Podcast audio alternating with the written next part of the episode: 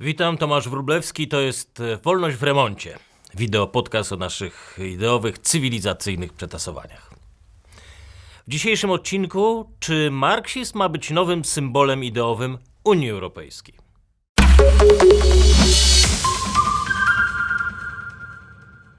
Z oficjalnego komunikatu Komisji Europejskiej dowiadujemy się, że przewodniczący wygłosi przemówienie podczas odsłonięcia pomnika Karola Marksa. Pomnik jest darem przewodniczącego Chińskiej Partii Komunistycznej dla rządu Niemiec i narodu. Jeżeli liczyliście Państwo tutaj na moje słowa oburzenia, kpiny, to nie będzie tutaj tego. To nie ten podcast. Przeciwnie, ja uważam, że jak mało które wystąpienie przewodniczącego Jean-Claude Junckera to właśnie jest spójne z osobą samego przewodniczącego, ale i instytucją, którą reprezentuje. To prawda, że żadna ideologia w historii ludzkości nie wykreowała tylu bezwzględnych tyranów co marksizm i nie zostawiła po sobie tylu ofiar, szacowanych dziś według tej czarnej księgi na 100 milionów ludzi. Do tego dodajmy plagi głodu, rozbite rodziny, narody wysiedlone ze swoich historycznych ziem. Ale apologeci marksizmu, do których bez wątpienia należy Juncker, wierzą i wszystko robią, żeby myśli Marksa odnalazły wreszcie swoje miejsce w nowej czy tej wschodzącej europejskiej rzeczywistości politycznej. Ci sami ludzie, którzy w latach 60. malowali na murach podobizmy Che i Mao, dziś uczą dzieci, młodzież o moralnej wyższości ich politycznego pokolenia konsekwentnie i skutecznie wpajają imperatywy politycznej poprawności. Zasadzają ziarna autocenzury w mediach, które boją się pisać i ostrzegać przed gwałtami, rozbojami islamskich imigrantów. Nauczyciele cenzurują stare podręczniki i pieśni, władze miast demontują pomniki przypominające o chrześcijańskiej tradycji narodów. Policjanci, to też ważne, policjanci nawet unikają kontrolowania osób o innych odcieniach skóry w obawie, że ktoś ich posądzi o rasizm.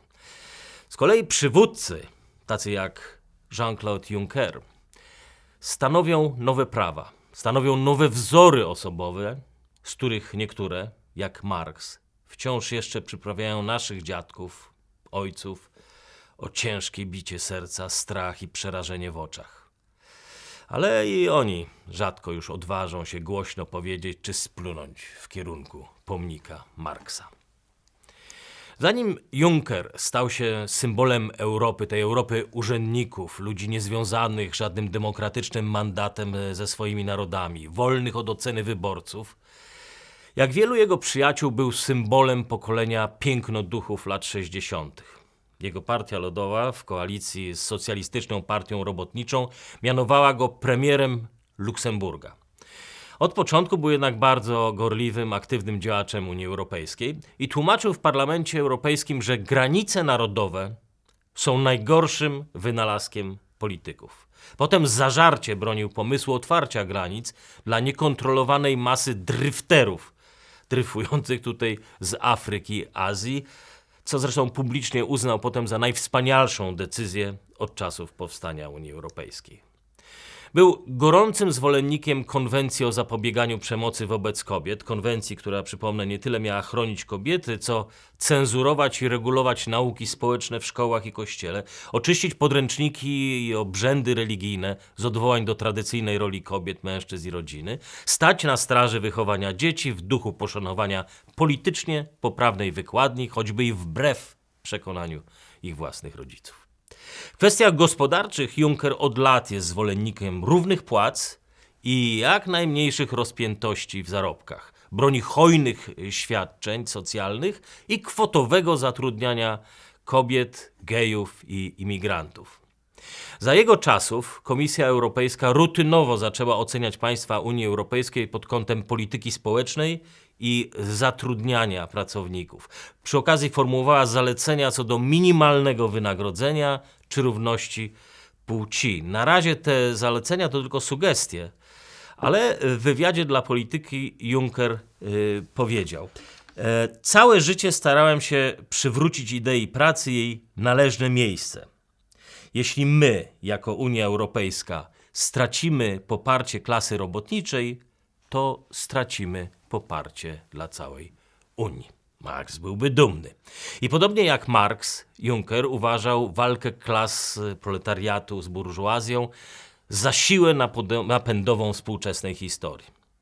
Najnowsza inicjatywa y, europejska, filar praw socjalnych, wymusza obowiązkowy urlop rodzicielski dla obojga rodziców, w tym dla rodzin oczywiście homoseksualnych. To samo oczywiście ma dotyczyć skali wynagrodzeń, równych dla wszystkich. Za czasów Junckera koncept europejskiej konkurencyjności, wolnego rynku i pogoni cywilizacyjnej stał się farsą. Żeby dać szansę francuskim czy włoskim firmom technologicznym uginającym się pod jarzmem kosztów socjalnych, Juncker zażądał wyższych podatków dla Google'a czy Amazona dla amerykańskich koncernów. Z tych samych powodów lobbował za wprowadzeniem obowiązkowych podatków i obciążeń socjalnych dla pracowników delegowanych. Pamiętajcie Państwo, to ta dyrektywa dziesiątkująca najbardziej konkurencyjne polskie przedsiębiorstwa. Nawet były sekretarz generalny Związku Radzieckiego Michał Gorbaczow wyraził swego czasu zdziwienie z powodu lewicowych dążeń Unii Europejskiej. Chyba warto to zacytować. E, najbardziej zaskakującym wydarzeniem ostatniej dekady jest determinacja przywódców Unii Europejskiej do odtworzenia Związku Radzieckiego w Europie Zachodniej. Każdy podręcznik do historii w Europie opowiada dziś o zbrodniach nazizmu, szuka źródeł i uczy, jak rozpoznawać zło, kiedy będzie nadchodzić w przyszłości. Uczy nas pod warunkiem, że mówimy o zbrodniach faszyzmu, a nie marksistów. Każde dziecko zna liczbę 6 milionów. 6 milionów ludzi pomordowanych przez faszystów. Ale jakimś dziwnym zrządzeniem historycznej amnezji liczba 100 milionów pomordowanych przez komunistów gdzieś nam umyka. Kiedy mówimy o nazistach i faszystach, wszystko jest straszne, ponure, ale jednak proste i jasne. Kiedy zaczynamy mówić o zbrodniach komunizmu, zaraz okazuje się, że wszystko jest płynne i bardzo relatywne. Masowe zbrodnie, ba, unicestwienie całych narodów nazywa się tu błędami komunizmu lub stalinizmu. Dowiadujemy się, że ideologia hołubiąca przemoc i głosząca pogardę dla człowieka nie może sama w sobie odpowiadać za wypaczenia i złą interpretację naukowych dzieł Marksa. No to może poproście tych mędrców o przykłady państw, gdzie marksizm został dobrze zrozumiany i wiernie wprowadzony w życie, gdzie zakwestionowano własność prywatną, wolność słowa, a ludzie dalej żyli tam długo i szczęśliwie, choć jedno takie miejsce na ziemi.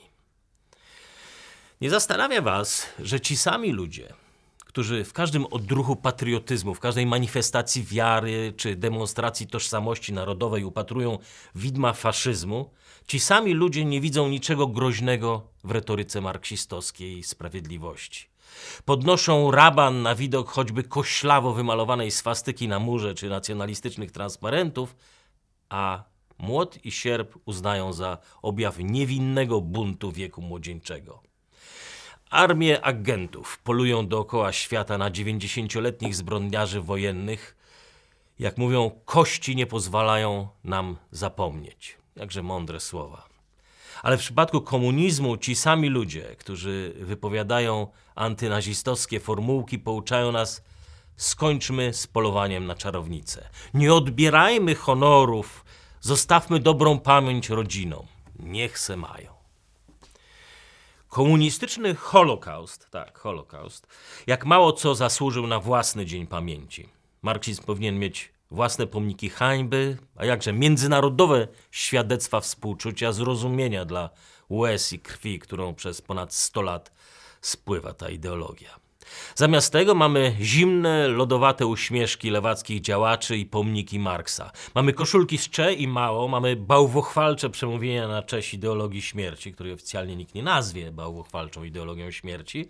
Ba, jak to zauważył rzecznik Junkersa, nikt nie może zaprzeczyć, że Karol Marx jest postacią, która ukształtowała historię w taki czy inny sposób. W taki czy inny sposób. Ideologią, która w taki czy inny sposób staje się naszym europejskim dziedzictwem. Europy, którą Marx i jego wyznawcy chcieli unicestwić. W starożytnym Trewirze jednej z kolebek naszej zachodniej cywilizacji, ozdobiono właśnie ulice koszulkami i kaczuszkami, światłami na przejściach o takim słodkim wyrazie Marksa, małymi marksikami.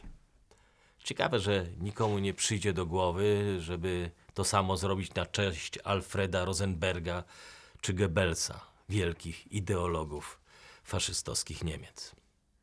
Apologeci marksizmu, do których należy Junkers, twierdzą, że Marks był wielkim filozofem i nie miał wpływu na to, jak jego myśli były interpretowane. Może. Ale też filozofia Marksa nie istniałaby bez konceptów, które stały się istotą tej zbrodniczej natury komunizmu. U podstaw wielkiego marksistowskiego eksperymentu stał nowy, lepszy człowiek. Ten nowy człowiek miał być stworzony na podobieństwo wyobrażeń Marksa, a nie wynikiem naturalnych procesów przemian dziejowych. Każdy miał być pozbawiony egoizmu, chciwości, lenistwa, agresji, zazdrości, złości, nienawiści i strachu. I każdy miał pragnąć jednego, tylko co było w interesie proletariatu. Idealne społeczeństwo mogło według Marksa, pow- Marksa powstać tylko w wyniku rewolucji. Na gruzach tej obecnej cywilizacji, praw, wierzeń, doświadczeń. Bóg miał zniknąć z naszego życia, a z nim wszystkie dziesięć przykazań i dotychczasowe standardy dobra i zła, podobne dla wszystkich religii. To rewolucja miała zdecydować, zwycięska klasa w przyszłości, o moralności, jaką mamy się kierować. W swojej pogardzie dla praw naturalnych i sentymentów narodowych Marx dostrzegał narody, które bardziej niż inne zasłużyły na unicestwienie. Meksykanie, jak y, pisał po aneksji Kalifornii przez Stany Zjednoczone, co, czy to nieszczęście, że wspaniała Kalifornia została odebrana leniwym Meksykanom, którzy nie wiedzieli, co z tym lądem zrobić.